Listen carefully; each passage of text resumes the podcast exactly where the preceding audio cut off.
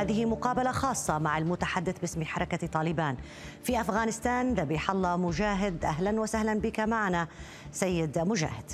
تعطيل مدارس الطالبات للمراحل المتقدمة، تعطيل وصول الطالبات للجامعات، الفرض على المرأة بأن لا أن لا تركب تاكسي إلا بوجود محرم معها، ثم آخر آه، آه، خبر خرج من أفغانستان إنه مطلوب من الإعلاميات أو المذيعات أن تضع أن تغطي وجهها البرقع في أثناء آه، يعني أدائها لعملها. هناك أمر واحد أن بالنسبة للتعليم المرأة علينا أن نقول أن الجامعات مفتوحات ويمكن للنساء أن تذهب ذهبنا إلى الجامعات.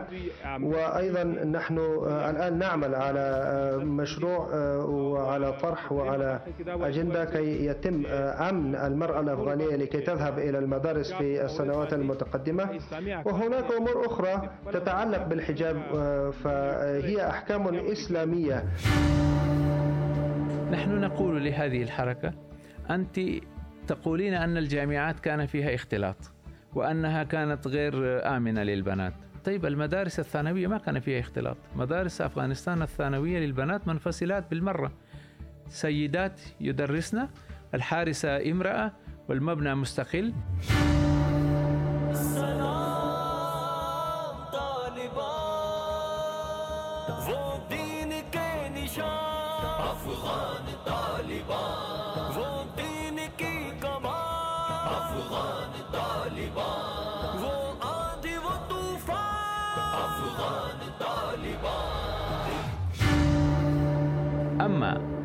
نسقط النظام بالكامل من أجل فساد مالي في تلك الدولة ونأتي بنقابة دراويش جديدة ليحكموا لنا ويدعوا لنا نظام إسلامي نظيف بالمرة ويكون هو النموذج يحتذى به أن تجد حلا استراتيجيا طويل الأمد لهذه المشاكل. وبهذا الأسلوب الدجل والشعوذة واللف والدوران والغش والخداع والكذب والنفاق لا يمكن أن ندير دولة بأكملها لمدة أطول. فلا يصح ابدا أن نكون في موقف المدافع أمام النظام الدولي الذي يتباكى على الفتاة الأفغانية المحرومة من التعليم الجامعي بينما هو يحرم البشرية من التعليم النافع نفعا حقيقيا ثم يسمم ويشوه التعليم العالمي. عندما نناقش موضوع تعليم الفتيات في أفغانستان فلا الإعلام العالمي ولا الأمم المتحدة ولا المؤسسات الحقوقية في بالنا ابدا ولا نقيم لهم أي وزن. ولا يعنينا ابدا أن ندافع عن الإسلام أمامهم في هذا المقام. لم يكن ولا واحد منهم في كهف. هؤلاء كلهم كانوا جالسين في إسلام آباد في راولبندي في كراتشي في كويتا في بيشاور. كانت عندهم عقاراتهم عندهم تجاراتهم عندهم تعاونهم. مش كل الذين الآن يحكمون كابل كانوا في المعركة. في المؤتمر الدولي الذي عقد في موسكو مع حركة طالبان في العام 2021 وفي سبيل الاعتراف بحكومتها تعهدت الحركة بحماية حقوق المرأة الأفغانية التي أقرتها لها الشريعة الإسلامية لكنها أبقت على هامش كبير في ترجمة ذلك وظل الغموض يكتنف تصريحات مسؤولي الحركة في تحديد شكل حياة المرأة الأفغانية تحت سلطة طالبان في نسختها الجديدة المنقحة. ورغم تبشير بعض المراكز البحثية الغربية بأن حركة طالبان باتت نسخة معتدلة ومتسامحة إلا أنه بالعودة إلى أعداد مجلة الصمود لسان الإمارة الإسلامية القديم منها والجديد. يستطيع المهتم بكل يسر وسهولة أن يطل على ترجمة حركة طالبان لمعنى حماية حقوق المرأة الأفغانية وأيديولوجيتها في فهم الشريعة الإسلامية. في مقال كتبه عماد الدين الزرنجي في مجلة الصمود وقبل سبع سنوات في أغسطس 2016 بعنوان المرأة الأفغانية هدف المؤامرات. حذر من محاولات الحكومة الأفغانية السابقة وبمساعدة من الدول الأخرى رفع معدل برامج المنح التعليمية للمرأة الأفغانية مستشهدا بتصريح رئيس الجامعة الأمريكية في كابول اللي عبر عن سعادته بأن عدد الفتيات يشكل نصف عدد الشباب فيها. طبعا تحذير مجلة الصمود وهي المجلة الرسمية التابعة للإمارة الإسلامية جاء مباشرة بعد تنفيذها عملية إرهابية. استهدفت الجامعة الأمريكية في كابول والتي على إثرها أوقفت الجامعة برامجها التعاونية مع برنامج الوكالة الأمريكية للتنمية الدولية الخاص بتعزيز المساواة بين الجنسين في البرامج الوطنية ويعرف باسم بروموت. وهو برنامج معني بالنهوض بالمرأة الأفغانية وأنفق عليه أكثر من 89 مليون دولار بغرض تحسين وضع 75 ألف امرأة أفغانية من خلال تنمية القيادات النسائية وتعزيز دورها في القطاع الحكومي والخاص والمجتمع المدني. وقال عماد الزرنجي هذه مشروعات تعليمية عديدة تهدف لتربية أمهات المستقبل تربية علمانية. تجعلهن مستعدات أن يكن ساعدا أقوى للغرب في تطبيق أهدافه الشيطانية. واعتبر عماد الدين أن جميع أسباب الضلال متوفرة في المعاهد والمدارس والجامعات التي تعتني بدراسة المرأة. ومقال آخر بعنوان أراجيف تحرير المرأة الأفغانية. حذر فيه كاتب ثاني من وسائل إشاعة الفحشاء الموجودة في أفغانستان من السينما والمسارح والنوادي ووسائل الإعلام من الإذاعة والتلفزيون والصحف والمجلات. والآثار الخطيرة من التعليم المختلط في جميع المراحل ومنعه من اللباس الإسلامي على حسب على حد قول صاحب المقال. ومن المهم أن نشير هنا إلى أن موقف طالبان من مدارس الفتيات لم يتوقف عند زمن سقوط إمارتها في العام 2001 ولكنه استمر بعد ذلك وهو ما أكدته مجلة الصمود تحت عنوان ضرب الركيزة الشعبية للجهاد بتاريخ 2018 فبحسب كاتب التحقيق فإن أولى خطوات طالبان خلال وجود القوات الأمريكية كانت إحراق مدارس الفتيات باعتبارها هدفا جهاديا. وقال كانت مدارس الفتيات مستهدفة بشكل أكبر ومنع الأهالي بناتهم من ارتيادها فهدف الاحتلال إبراز نماذج جديدة للنساء على النمط الأوروبي والمتمردات على الإسلام من طراز المراهقة ملالة يوسف زاي. من منطقة القبائل التي منحت جائزة نوبل للسلام لتكون مثالا لنساء القبائل في التمرد على شرائع الدين. بالمقابل رجع وأكد كاتب التحقيق وهو مصطفى حامد مؤرخ تنظيم القاعدة ومن محل إقامته في طهران أهمية دور المدارس الدينية في المحافظة على المفاهيم الجهادية وتقاليد المجاهدين الأفغان المتوارثة وقال من الشعب يأتي المجاهدون وتأتي الأموال وتأتي المعلومات والتعليم الديني هو فقط الذي حافظ على المحتوى الجهادي لحركة طالبان. فهل المرأة الأفغانية اليوم هي المسؤولة الوحيدة عن تقرير مصيرها؟ وهل صحيح أن طالبان ليست المشكلة الوحيدة أمام تحصيلها لحقوقها؟ وكيف وبأي طريقة ستؤدي طالبان إلى تدهور الأوضاع الاجتماعية والاقتصادية والسياسية لهؤلاء النساء؟ أنا هدى الصالح وهذا برنامج جماعات.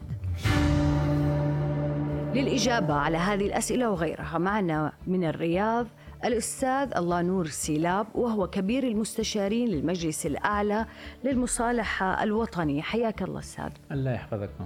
أبغى أسألك في البداية وإحنا موضوعنا عن قضية تعليم المرأة الأفغانية.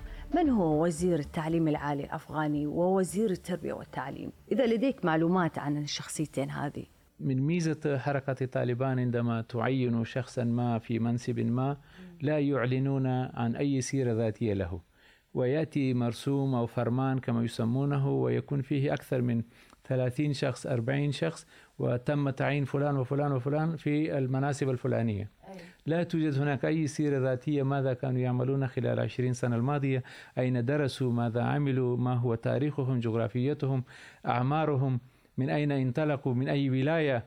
ولا يعلنون عن أي شيء فقط الأسماء ويجب على الناس أن يتعاونوا مع هؤلاء. وزير التعليم العالي آه، يكتبون ما اسمه شيخ الحديث كأنه أخذ دورة علمية في الحديث الشريف وعلومه. دورة مقصود بها دراسة جامعية؟ يقصدون بها الدورة لثلاثة أشهر درس مع واحد من المشايخ الكبار ودرس هكذا مرور الكرام مر على كل الأحاديث الشريفة التي هم يدرسونها في مدارسهم كم ف... عمره؟ ممكن يكون عمره 45 سنة أو 40 سنة لأنهم لا يذكرون شيئا. وأنا بحثت عنه في كل الصفحات الرسمية للدولة لا توجد أي سيرة ذاتية لأي وزير. وهكذا فجأة يأتون بشخص يعينونه في منصب معين ويقولون للناس تعاونوا مع هؤلاء. طيب وبالنسبة لوزير التربية؟ وزير التربية السابق كان قليل من المعلومات موجودة أنه ينتمي إلى ولاية أوروزغان وعاش أيام الجهاد في مدارس باكستانية ولكن عندما جاءوا بالوزير الجديد وعزلوا الوزير الأولي آه، قالوا أنه كان إمام مسجد في ولاية ما فلا توجد سيرة ذاتية أصلا. أنا أيه. بحثت عن صفحة رسمية للدولة التي موجودة فيها سير ذاتية لكبار شخصيات الدولة. مكتوب هناك أسماء أشخاص فقط. لا مم. توجد أي سيرة لا علم ولا تاريخ ولا وظائف سابقة ولا ولايته ولا نسبه ولا شيء وأين تلقى علومه مع من درس في أي مدرسة درس وهكذا فجأة يأتون بشخص وهي مثل مفاجآت آه،. يفاجئون بها الشعب طيب الأفغاني. أستاذ بالنسبة لتصريح وزير التعليم العالي عندما قال بأن لن تتراجع حركة طالبان عن قرارها في منع الفتيات من التعليم حتى لو أسقط الغرب قنبلة آه، نووية أو قنبلة ذرية. كيف تشوف هذا التصريح؟ هذا التصريح للقنبلة الذرية كان عندما اجتمع مجلس العلماء في قبل سنة في كابول وأكثر من 2500 عالم اجتمعوا واقترحوا بعض النقاط على زعيم الحركة أنه يأخذها في الحسبان عندما يدير هذا البلد.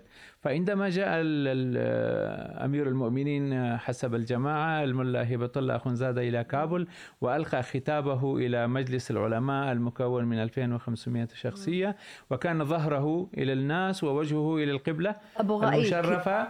فألقى هذا الخطاب وقال لن أرضخ لضغوط العالم ولا للأمم المتحدة ولا أمريكا ونحن نريد أن نتعاون ونتعامل مع العالم ولكن إذا يدعون علينا شروطا لن أقبل أي شروط ولو ألقى علي قنبلة ذرية ولن أخاف من أحد طيب لفت انتباهي لما ذكرت بأنه آه، هو معطي ظهرة. لمن كانوا حاضرين من العلماء طالب الأفغان وعلماء طالبان مولالي طالبان لماذا؟ هل هو حقيقة هبة الله خنزادة أم هناك شكوك أنه يعني مش هو هذا الشخصية التصور حقيقية؟ العام أن علماء هذه الحركة هم لا يحبون التصوير هم لا يريدون أن يقفوا أمام الإعلام لا يريدون أن يواجهوا الشعب أصلا هو هذا هو ال- الشرح الصحيح لتصرفاتهم ولكنه آه، جاء وتحدث في هذا الاجتماع وتحدث في قندهار مع بعض الشخصيات وتحدث لكبار رجال الأعمال في أفغانستان ولا أحد رأى وجهه الصحيح الحقيقي المنش... المنشور في الصحافة سابقا لشخص ما أن هذا هو ال... هل في كل هل في كل المرات اللي اجتمع فيها آه، بيكون بنفس الهيئة بنفس الطريقة بيجتمع؟ الآن الناس يعني إحنا الذين سمعنا تسجيلات صوتية خطب صوتية له هناك ثلاث خطب صوتية له وطبعا تذاع من قبل الإذاعة الوطنية وحتى لو يذاع من قبل إذاعة تلفزيون أفغانستان فلا تكون هناك صورة. فيأتي صوت فقط ويتحدث يلقي خطابه وألقى أكثر من خمس خطابات لليوم. وبمناسبة العيد بمناسبة التعامل مع الغرب بمناسبة التعليم وكلها خطابات يعني لا يوجد فيها مضمون قوي حتى يبشر بالخير للشعب الأفغاني وأن يثق الناس بقيادات طالبان أن هؤلاء عندهم نية لتغيير النظام لتغيير المنهج للحكم. عشان أختم هذه النقطة مثلا تنظيم داعش هو من فضح أمر مقتل وفاة الملا عمر. هو الزعيم المؤسس لحركة طالبان كانت الحركة يعني آه، أخفت هذا ال- الخبر أو هذا النبأ لمدري كم- سنة يمكن سنتين ثلاث سنوات عن العامة إلى أن فضحت فضح هذا التنظيم داعش هل تعتقد أن هبة الله أخذزادة لا زال قيد الحياة؟ في مثل هذه الحركات التي كل شيء فيها مجهول الهوية لا يمكن التأكد من أي خبر فيها بشكل قوي وقاطع لأن لا أحد يعطيك المعلومات الصحيحة.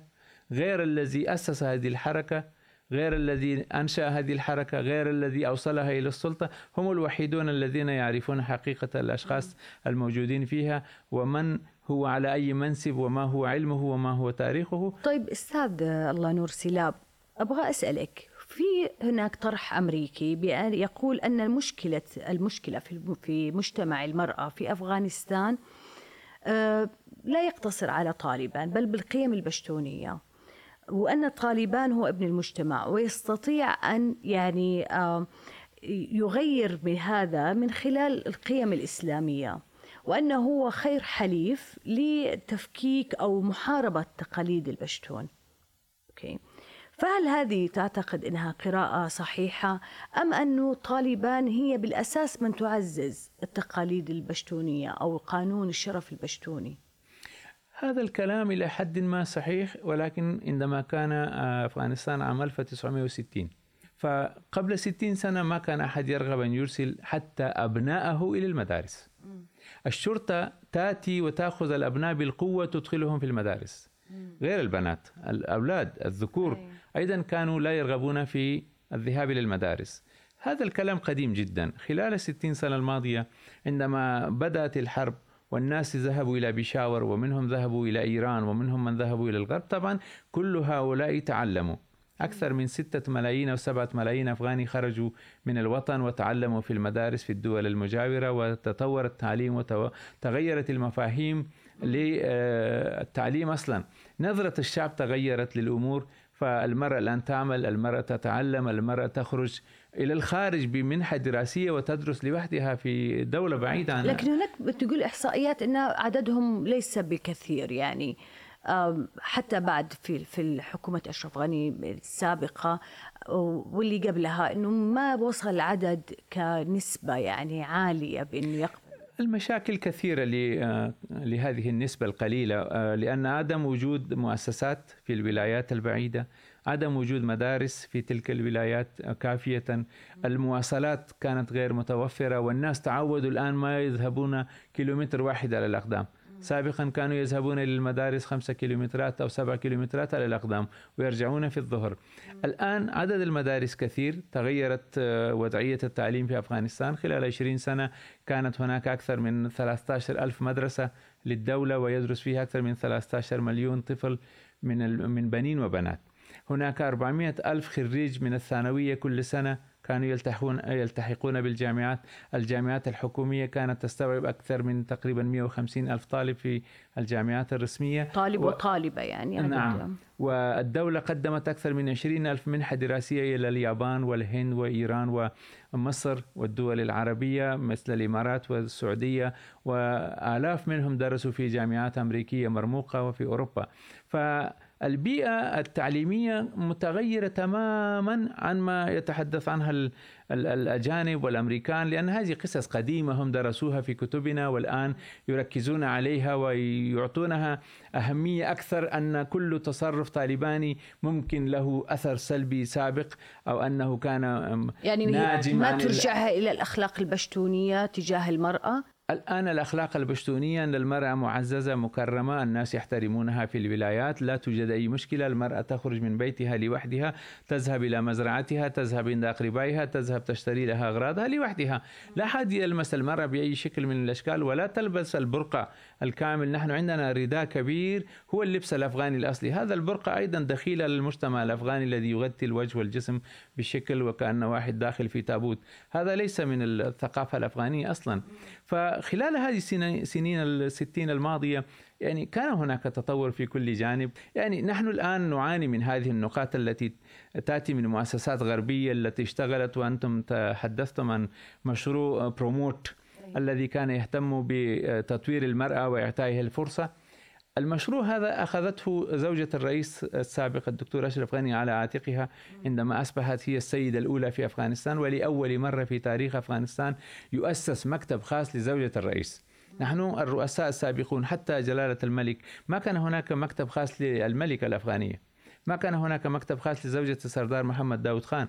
حتى أيام الشيوعيين الذين كانوا منفتحين أكثر من بقية الرؤساء الأفغان بابرك كارمل وحفيظ الله أمين ونور محمد تركي والدكتور نجيب الله لم تكن هناك مكاتب خاصة لزوجات الرؤساء أصلا. فعندما جاء أشرف غني وزوجته لبنانية وهي مسيحية تحكم أفغانستان لأول مرة عن طريق زوجها.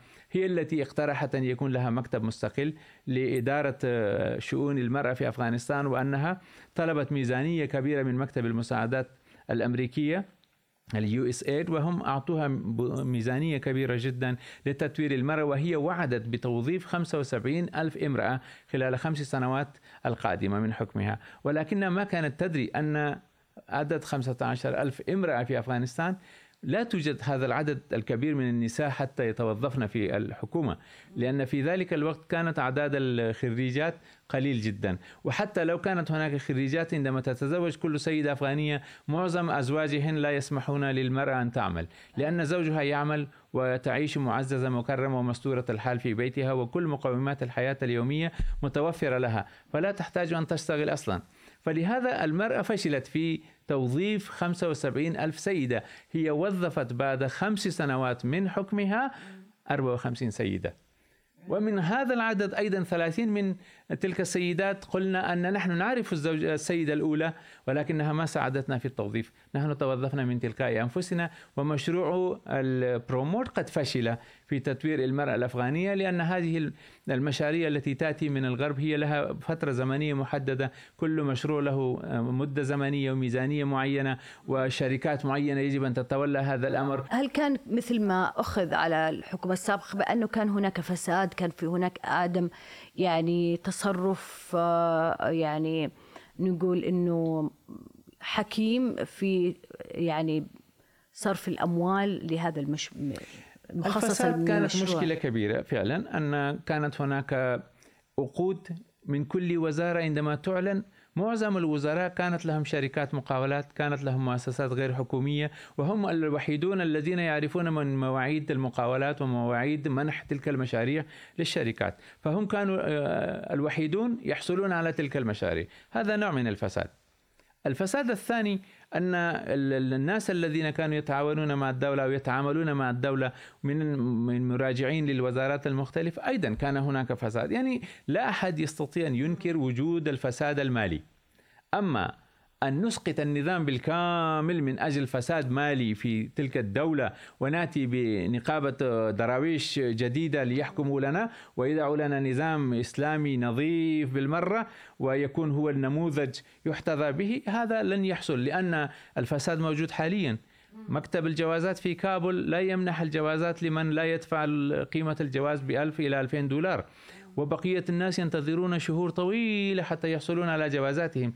كل الدوائر الفساد قائم لم يتغير. إنما كنا في السابق نقول أن النظام هو نظام عميل لأمريكا ويستلم مليارات الدولارات من المساعدات وأنه لا يتم فيها إلا كل شيء بمشورة أمريكية.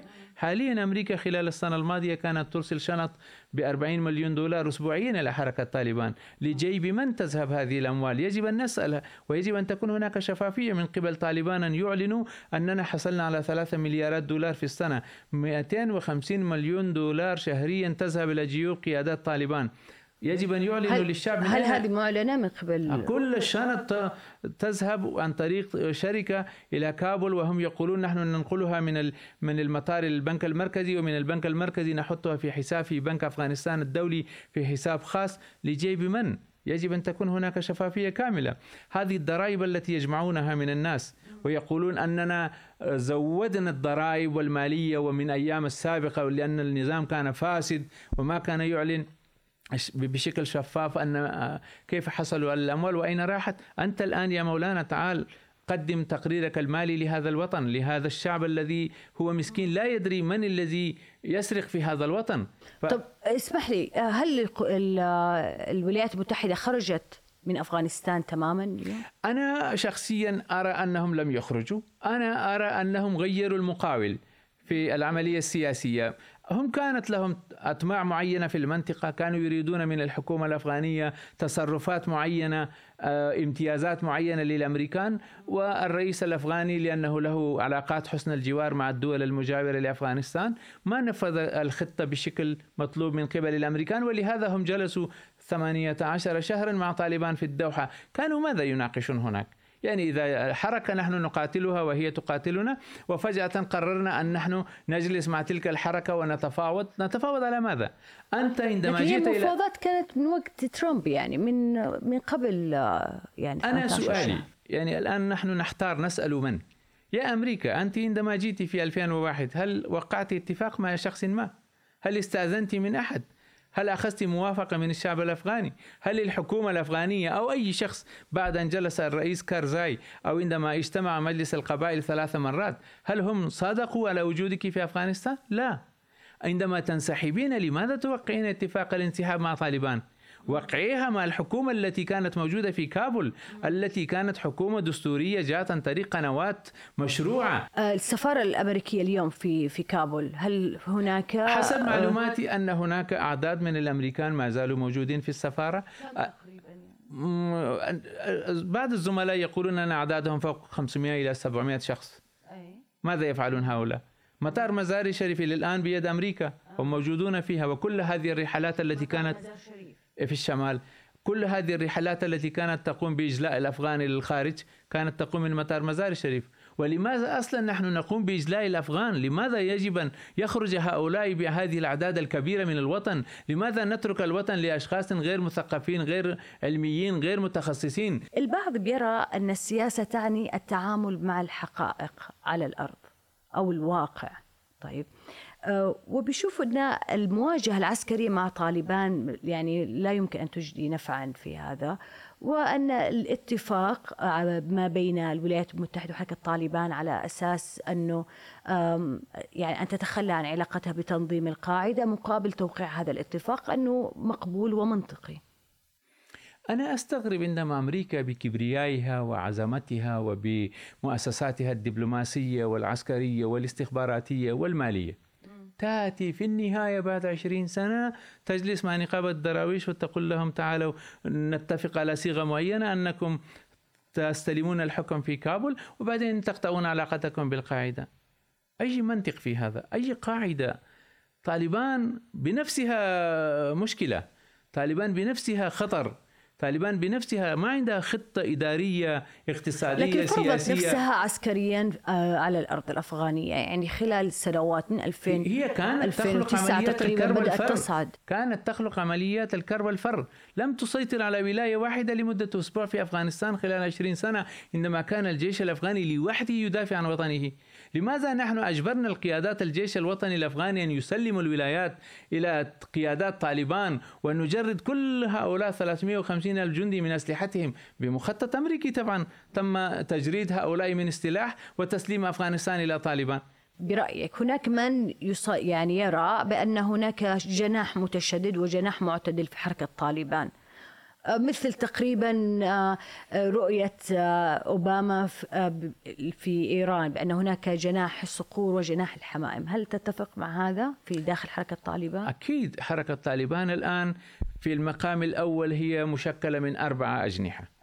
جناح الملا عمر الراحل وابنه ملا يعقوب الذي هو يرأس وزارة الدفاع حاليا وأخوه وزير الأشغال العامة في الحكومة الحالية. جناح ملا هبة الله الذي هو مسيطر في قندهار وهو زعيم الجماعة. وجماعة أختر محمد منصور الذي كان بعد ملا عمر زعيما انتقاليا وتم اغتياله في عملية لطائرة بدون طيار. وجماعة جلال الدين حقاني. ابنه سراج الدين حقاني وزير الداخلية وابنه الثاني أنس حقاني وأخوه حاجي آه، خليل حقاني الذي يرأس وزارة شؤون آه، عودة اللاجئين في أفغانستان وعنده أكثر من نصف الحكومة الآن بيد جماعة حقاني ونصف الحكومة بيد جماعة القندهاريين عموما. فهؤلاء أيضا ما بينهم تنسيق كامل. إنما تقرر جماعة معينة شيء متطرف الجماعة الثانية تعارضه. جماعة حقاني التي كان الناس يخافون منها أكثر هي أثبتت ليونة أكثر مع الشعب الأفغاني لأنها تعرف القيم الوطنية قيم القبلية تتعامل مع القبائل بشكل مرتب وتفهم لغة القبائل. أما أهل قندهار فعندهم هذا النوع من الغرور أن نحن مؤسسي أفغانستان ويجب الكل يسمع كلامنا ونحن القيادة عندنا فيجب أن تسمعوا كلكم يا شعب أفغانستان. الآن الخلاف على التعليم جماعة حقاني تؤيد التعليم. أنه هناك من يشوف أن طلب الدعم الأممي أو الخارجي بشأن حقوق المرأة بيثير الغضب أو الحنق الداخل في داخل أفغانستان وأن الأفضل أن تكون الجهد والعمل من الداخل الأفغاني. يعني وكأن المجتمع الأفغاني هو من يقود نفسه إلى آه، الحداثة بالشكل الذي يناسبه هو. هل تتفق مع هذا؟ هل هذا ممكن؟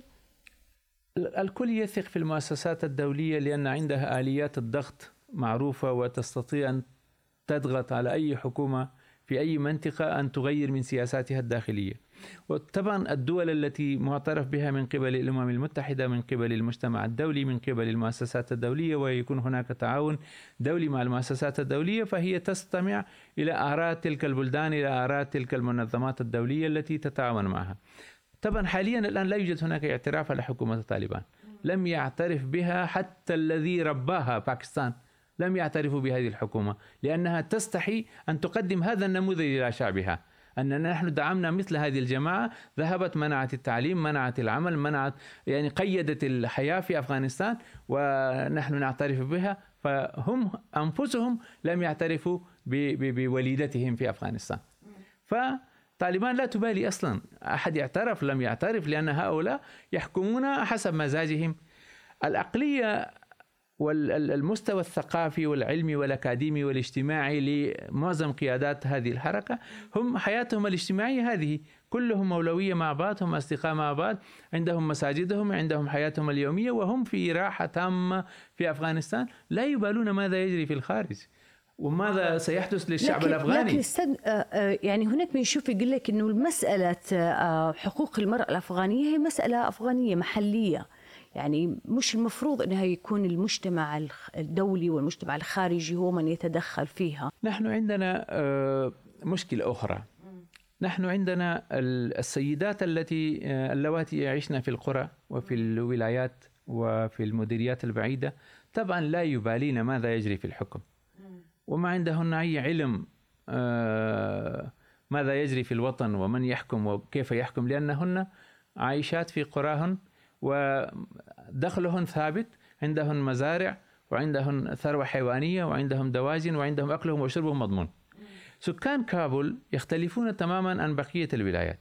العاصمة لا توجد فيها حياة اقتصادية نشطة لا مصانع ولا عمل ولا مؤسسات كبيرة لتوظيف الناس ولا تجارة ولا أملاك وعقارات لهؤلاء سكان كابول حتى يترزقوا من تلك العائدات. هؤلاء كل همهم وغمهم أن تكون هناك وظيفة ثابتة مستمرة مستدامة وأن يأتيهم دخل. فالزوج يشتغل وزوجته تعمل وبنته تعمل وابنه يعمل فإذا واحد منهم فقد وظيفته واحد أو اثنين فقدوا وظائفهم فيأتي الضغط المادي على العائلة. فلهذا سكان كابول أصواتهم أكثر صرخة من الأصوات في الولايات. ولأنهم بقوا لوحدهم نساء الولايات ما وقفنا مع هذه الحركة لتحرير المرأة أو لإخراجها أو لمنحها الحقوق أو التعليم لأن النساء في القرى لا تبالين أصلا لهذه القصة، فسكان كابل هم المضغوطين لوحدهم مساكين وهم الذين يخرجون في مظاهرات ويخرجون ويبحثون عن فرصة عمل لأنفسهم حتى يترزقوا من وراء تلك الوظائف. فأهل كابول هذا واحد من ال- الأسباب الرئيسية لأن لا يجدون صدى أكثر لأن بقية الولايات اللي تعيش فيها أكثر من 70% من الشعب الأفغاني لا يبالون أصلا. ما وقفوا مع هؤلاء في كابول. فأهل كابول هذه العائلات التي يخرجن في المظاهرات أكثرهن ما عندها رجال ما عندها شخص يعول يعول الأسرة. فهذه الأسر تحتاج أن تعمل بنفسها. فعلى الدولة أن تسمع أولا آراء الشعب تجلس معهم ثم تقرر شيء معين وتستطيع أن تعمل فيها تعديلات. لا يمكن نحن نغلق المؤسسات للتعليم العالي لأن كانت فيها شبهات حول الأعمال غير الأخلاقية أو هناك الرذيلة تمارس في هذه الجامعات أو المؤسسات العلمية. أنت كدولة كحاكم كمشرع تستطيع أن تمنع تلك الأشياء. الآن جيت رغم ب... رغم أن البعض يشوف أنها يعني جلست سنة و14 وأربعة أشهر آه، إلى أن قررت مثلا الفتيات أنهم ما يذهبوا إلى الجامعة بسبب الاختلاط أو الزي أو بعض المناهج. يعني البعض يشوف أنه كان بإمكانها أنها يعني تنهي هذه المسألة في غضون شهر وتفرض زيها وتلغي المناهج اللي هي تشوفها أنها كانت آه، لا تلائم منهج الإمارة الإسلامية. آه، وحتى ال- موضوع الاختلاط يعني كان بإمكانها تجد حلول منها مثلا التعليم عن بعد. نحن نقول لهذه الحركة أنت تقولين أن الجامعات كان فيها اختلاط وأنها كانت غير آمنة للبنات. طيب المدارس الثانوية ما كان فيها اختلاط. مدارس أفغانستان الثانوية للبنات منفصلات بالمرة. سيدات يدرسن الحارسة امرأة والمبنى مستقل وليس بجوار مدرسة البنات أي مدرسة للبنين. لم يكن هناك أي احتكاك بالبنين أصلا. لماذا أغلقتم تلك المدارس؟ لماذا منعتم البنات من التعليم الثانوي؟ هي منعت الحركة المرحلة المتوسطة والثانوية. نعم فهي منفصلة تماما. لا يوجد هناك منطق ولا عقلانية ولا دليل ولا عذر شرعي عندهم لمنع بس أنهم ينتقمون من الشعب الأفغاني. لا ندري لمصلحة من. في 2019 كتبت زوجة زلماي خليل زادة سفير الولايات المتحدة في أفغانستان في عهد آه، جورج بوش الأبن. وأيضا المفاوض الرئيسي آه، مع حركة طالبان بالنيابة عن الولايات المتحدة. كان مقالها في مجلة International Interest وهي آه، السيدة شيرلي بينارد زوجة زلماي. وهي أمريكية يهودية من أصول نمساوية. وهي مسؤولة أو مؤسسة لمركز راند الفكري وافتتحت مركزها أيضا في الدوحة. مقالها بعنوان المرأة الأفغانية هي المسؤولة عن تقرير مصيرها. طبعا مقال طويل آه، ذكرت فيه أن جهود الولايات المتحدة في تحقيق مكتسبات للمرأة الأفغانية كانت كبيرة من منها إقرار الدستور الأفغاني ترسيخ حقها في المشاركة السياسية والاقتصادية والاجتماعية تحفيز بناء المدارس وأيضا المهاجع للنساء اللي بيأتوا من الأرياف والقرى للدراسة في الجامعات في كابول وأيضا البرامج التدريبية للنساء الأفغانيات خلال هذه السنوات. وتقول أن اليوم أنه الدور الدور على بعد هذه المنجزات كلها اللي حققتها الولايات المتحدة خلال هذه السنوات أن الدور يقع اليوم على المرأة الأفغانية نفسها وأن النساء الغربيات لم يأخذوا حقوقهم آه، في مسألة حقوق المرأة آه، والمساواة من من دولة خارجية أو أو أن ترسل إحدى الدول جنودها لتحقق هذا للنساء بل كافحنا ونظلنا حتى أنهم وصلوا وصلوا إلى ما هم عليه اليوم. و يعني قالت بأن على النساء أن يتناقشوا مع مع مع الأفغان ومع حركة طالبان وبحث هذا الموضوع. وأن طالبان ليست مشكلة مشكلتهم الوحيدة بل أن التقاليد البشتونية هي المشكلة الأكثر تعقيدا بالنسبة للمرأة الأفغانية وأنه يعني طالبان يعني قد تكون حليف لهم ل آه، يعني التخلص من هذه القيود آه، أو الأعراف آه، البشتونية اللي يعني تقيد المرأة الأفغانية بحكم أنهم معرفتهم و دراستهم للتعاليم الإسلامية والشريعة الإسلامية وذكرت ضربت مثال لقانون الشرف البشتوني. وأنا أبغى أسألك إذا هل هناك ما يعرف بقانون الشرف البشتوني بمسألة تزويج القاصرات الصغيرات إهداؤهن لآخرين أو وعد بالزواج وما إلى ذلك؟ فهل تشوف بالفعل أنه يعني كيف تشوف مقال آه، أو ما تطرحه زوجة آه، زلماي خليزادة في هذا الإطار؟ اولا هذه السيده وزوجها طبعا زوجها رجل أكاديمي كبير جدا و شخصية سياسية بارزة دبلوماسي ومفاوض وأوصل أفغانستان إلى هذا اليوم. هو كان مستشار الرئيس ريغان ولأكثر من 40 سنة له تاريخ في قضية أفغانستان. المشكلة أن المؤسسات الغربية تنظر إلى المرأة كأنها فرد مستقل. في أفغانستان المرأة ليست فرد مستقل. المرأة داخلة في عرض لشخص آخر.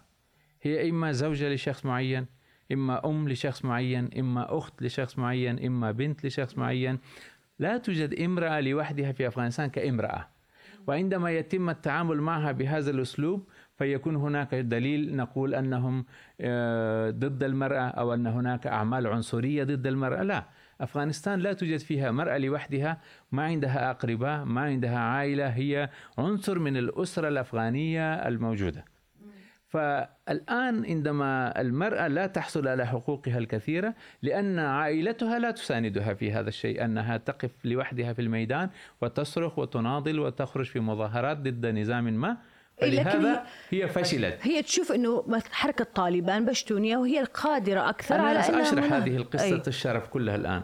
فأقول المرأة ليس فرد مستقل كما في الغرب.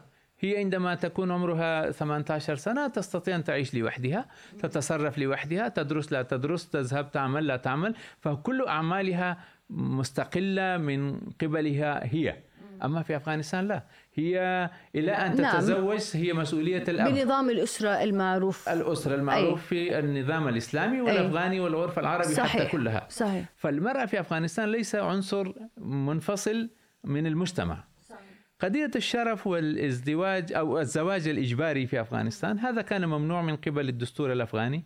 طالبان أيضا جاءت وقالت لا يستطيع أحد أن يكره المرأة بالزواج بشكل إجباري من شخص معين مقابل المال مقابل هناك شيء في عرف الأفغان يسمونه والور. هذا الولور هو المبلغ غير المهر الذي يسجل في الورقة والذي لا يعطى في النهاية للمرأة أصلا. والور هو المبلغ الذي يؤخذ من قبل أب البنت أو أخوها أو شخص من عائلتها ويزوجونها إلى شخص عمره 70 سنة وهي عمرها 17 سنة.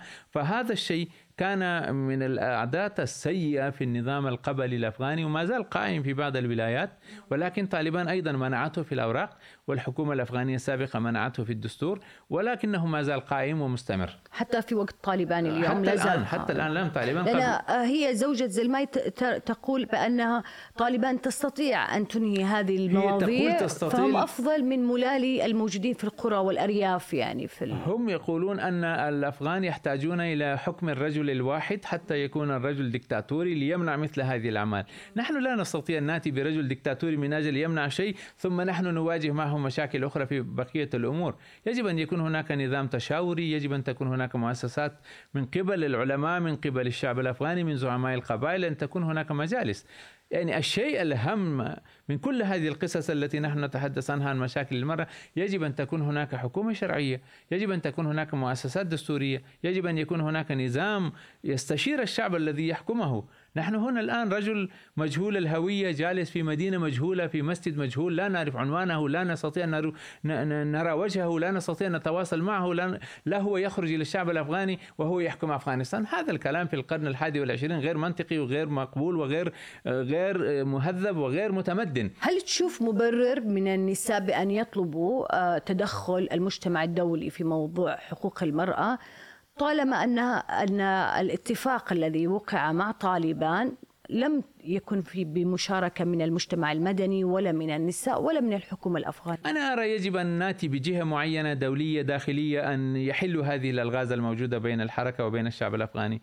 الحركة يجب أن لا تكون متطرفة مع شعبها وأن تعتبر نفسه نازلة من آه، من القمر ونحن نازلين من المريخ وعندنا خلاف على أرض آه، لشخص آخر. نحن كلنا من هذا الوطن من هذا الشعب من هذه البيئة. يجب أن الحكومة تكون ممثلة للشعب في كل النواحي. يجب أن هي تقوم بحل مشكلات الشعب الأفغاني. نحن الآن نعاني من مشاكل جمة. لا توجد وظائف لمن تخرجوا من الجامعات من الرجال. هناك أكثر من ثلاثة ملايين مدمن للمخدرات. هناك مليون طفل يعانون من سوء التغذية في أفغانستان. هناك آلاف المعوقين والذين بترت أيديهم وأرجلهم في الحروب السابقة. هناك آلاف الناس نزحوا من ولاية إلى ولاية بسبب الحروب السابقة. هؤلاء يحتاجون إلى سكن إلى مأوى إلى إعادة إلى أوطانهم. نحن مشاكلنا جمة الدولة يجب أن تجد حلا استراتيجيا طويل الأمد لهذه المشاكل. وبهذا الأسلوب الدجل والشعوذة واللف والدوران والغش والخداع والكذب والنفاق لا يمكن أن ندير دولة بأكملها لمدة أطول. الآن حكموا سنة ونصف ولا يوجد هناك مخطط عام لهؤلاء أن يروه للشعب الأفغاني. أنت تتهم طالبان بالدجل والشعوذة. هذا هو أسلوبهم. أنا أراه أن هؤلاء يحكمون من سنة ونصف حكموا سبع سنوات المرة الماضية. خلال كل هذه السنين ما تعلموا من تجاربهم السابقة ما تعلموا من العالم ما تعلموا من نفس البنجاب الذين هم درسوا في جامعاتها ومدارسها وانتقلوا إلى كابل. هنا دينهم يختلف من الدين الذي كان في إسلام آباد. كانوا هناك يجلسون مع النساء يناقشون معهن القضايا. الآن وزير التعليم عندما ذهب إلى إسلام آباد وجالس مع كل السيدات من مجلس الشيوخ الباكستاني. لماذا لا يجلس مع سيدات وطنه؟ لماذا يطعن في شرفهن في وطنهن؟ هذا ليس أسلوب أفغاني ليس أسلوب بشتوني الأصلي ليس مهذبا. يجب أن يتعاون مع شعبه وينظر له نظرة الإعجاب على ذكرك البشتوني أه، إيش موقف الأكاديميين البشتون سواء في داخل أفغانستان أو خارجها من الأكاديميين تخصصات علمية و وأخرى يعني سياسية وأدبية وغيرها من حركة طالبان. هل هم مؤيدون لها بحكم الانتماء آه، العرقي ذاته أم أبدا لا, لا يوجد هناك أي تأييد من أجل العرق. الناس ينظرون إلى تصرفات وأعمال الحركة. هم الآن واحد من كبار الأكاديميين وهو الدكتور بروفيسور في جامعة كابل وعنده قناة تلفزيونية. كتب مقال طويل عريض وشرح فيه كل نقاط الضعف لحركة طالبان قال لهم تعليم المرأة وتعليم البنات والفرص العمل ولا تتركون أحد لأن يتنفس في وطنه ويكون في كل وظيفة ملا يأتي يكون هو الوزير هو الوالي هو المدير لمنطقة معينة هو المتصرف في كل أعمال الدولة. هذا ليس من من من من, من أخلاق يعني الشعب الأفغاني. يعني هناك ليس يعني طالبان لا تمثل آه، البشتون بشكل طالبان تمثل 5% من الشعب الأفغاني. لو نجمع كل القيادات لحركة طالبان والجيش والشرطة والأمنيين وكل الميليشيات التي تقاتل وعندها أسلحة هؤلاء لا يمثلون مليونين شخص من 40 مليون شخص معناها 5% من الشعب الأفغاني. بأي حق أنتم تمثلون هذا الوطن بش... حضرتك بشتوني صحيح؟ نعم. طيب آه، حركة طالبان شو المكون اللي فيها؟ هل هم جميعهم بشتون؟ هل هم يعني لا هناك تاجيك. هناك الأوزبك هناك الهزارة. وهؤلاء الآن يدركون أن هؤلاء ليس لهم مكانة في قيادة طالبان لأن لا أحد يسمع كلامهم أصلا. لأن في هناك فهم سائد أنه حركة طالبان كأنها كلها بشتون. قيادة كلها بشتون نعم. أما هناك واحد أوزبكي وواحد تاجيكي وواحد هزاري هؤلاء ما يستطيعون أن يمثلوا قبائلهم حتى. اقترح باحثون غربيون ومراكز دراسات غربية بأن آه، يؤخذ آه، قيادات طالبان بجولة يعني سياحية لعدد من الدول الإسلامية على رأسها أندونيسيا ماليزيا وتركيا للاطلاع على تجربتها في آه، بحقوق بالذات بحقوق المرأة هناك. ف إيش رأيك في من يصور حرك قيادات حركة طالبان بأنهم معزولون وكأنهم في كهف غير مطلعين على هذه التجارب التجارب الإسلامية. آه، وكيف تشوف إن بنفس الوقت منظرين آه، إسلاميين يعيشوا في قلب الحضارة الغربية؟ هم يؤيدوا موقف طالبان اليوم من إلغاء أو إيقاف تعليم الفتيات. ليس هناك العامل الديني والفكري السياسي الضيق للملا والمولوية في أفغانستان هو السبب الوحيد لهذه الأعمال التي نراها. هناك عامل استخباراتي وراءه. لا من أنا ما أتكلم عن الضيق الضيق العقلي أنا, أنا أتكلم عن هل هم في الفعل كانهم أنا سأتي لا في تورا بورا كل هذه السنوات أم؟ أنا سأرد. فالعامل الرئيسي ليس فقط أنه منغلق على نفسه أنه آه، ابن بيئته الضيقة. هذه الجماعة ما جاءت من فراغ إلى هذا الوطن. لم تبقى عشرين سنة دون دعم خارجي آه، عسكري لوجستي مادي. كان وراها شخص هل يوقل أن نقول أن كل المولوية جالسون في مساجدهم وكل واحد في قريته قرر أن يحارب أمريكا؟ لا. كانت هناك جهة استخباراتية جالسة تدرب وتؤهل وتمول وترسلهم إلى القتال إلى أفغانستان. لكن في نفس الوقت البعض يشوف إنهم كانوا خلال فترة يعني حروب ومعارك وإنهم هاربين وفارين ومش مطلعين على هذه التجارب. يعني ممكن البعض في جبال كهوف تورابورا لا لا ابدا. لم يكن ولا واحد منهم في كهف. هؤلاء كلهم كانوا جالسين في إسلام آباد في راولبندي في كراتشي في كويتا في بيشاور. كانت عندهم عقاراتهم عندهم تجاراتهم عندهم تعاونهم. مش كل الذين الآن يحكمون كابل كانوا في المعركة. مش كل الذين الآن يديرون الوزارات ويرأسونها كانوا محاربين في أفغانستان. ابدا. كل أعدادهم في أفغانستان ما كانت تصل إلى عشرة آلاف شخص. الآن هناك خمسين ألف شخص جالسين في كابول يديرون الدولة. من أين جاءوا؟ كلهم جاءوا من المدارس البنجابية في كراتشي في بشاور في إسلام آباد. يعني لا يوجد هناك شيء أن هؤلاء ننقلهم إلى ماليزيا سيتغيرون.